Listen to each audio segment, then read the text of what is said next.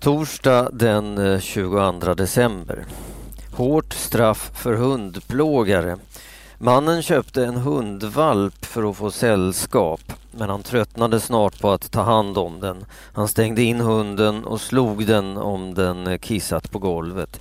Till slut dödade den 22-årige mannen sin hund. Han kvävde den till döds på ett mycket plågsamt sätt. Nu har mannen dömts till fängelse i ett år och tre månader. Det är ett ovanligt hårt straff. Domstolen vill straffa mannen hårt för att han plågat sin hund på ett ovanligt grymt sätt. Jag tror att det är det hårdaste straff någon i Sverige har fått för att ha plågat djur, säger åklagaren Jakob Holmberg. Kontrollanter kan ha blivit mutade. Säkerheten på stora båtar är viktig. Om det skulle hända en olycka måste allt fungera för att människorna på båten inte ska skadas. Därför kontrollerar statens experter båtarna med jämna mellanrum. För ett tag sedan fick Sjöfartsverket reda på att några av experterna som kontrollerar fartyg misstänks för mutor. Kontrollanterna skulle ha bjudits på middagar, vin och annat av fartygsföretag. Det berättar radions nyhetsprogram Ekot. Men både Sjöfartsverket och Transportstyrelsen struntade i misstankarna. Istället för att gå till polisen gjorde de ingenting. Sjöfartsverkets chef säger till Ekot att de inte litade på uppgifterna. Myhrer kom på andra plats. Igår onsdag var det världscupslalom i Flachau i Österrike. Det gick bra för André Myhrer. Han kom på andra plats i tävlingen. Ivica Kostelic från Kroatien vann.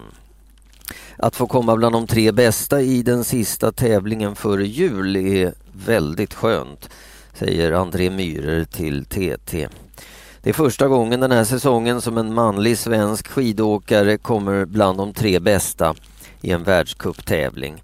Näst eh, bäste svensk i onsdagens tävling var Jens Byggmark som kom på åttonde plats. Oroligt i Irak. Det har blivit mer oroligt i Irak den eh, senaste tiden. På torsdagsmorgonen sprängdes bomber på minst tio olika platser i huvudstaden Bagdad. 57 människor dog i attackerna. Omkring 150 människor är skadade. Just nu fungerar inte Iraks regering. Regeringen har politiker från många olika grupper i landet. Det är meningen att politikerna ska samarbeta men eh, de lyckas inte komma överens. Vicepresidenten Tariq al-Hashimi anklagas för att ha planerat mord. Han har lämnat huvudstaden och får hjälp att gömma sig i området Kurdistan. Premiärminister Nouri al-Maliki kräver att Kurdistan slutar att gömma vicepresidenten men Kurdistans ledare vägrar. Snart blir det ljusare.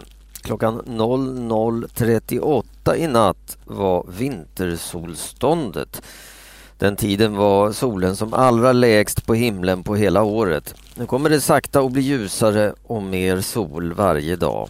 Högst upp i Sverige, norr om polcirkeln, går solen inte alls upp just nu. Men det är inte alltid mörkast i norr.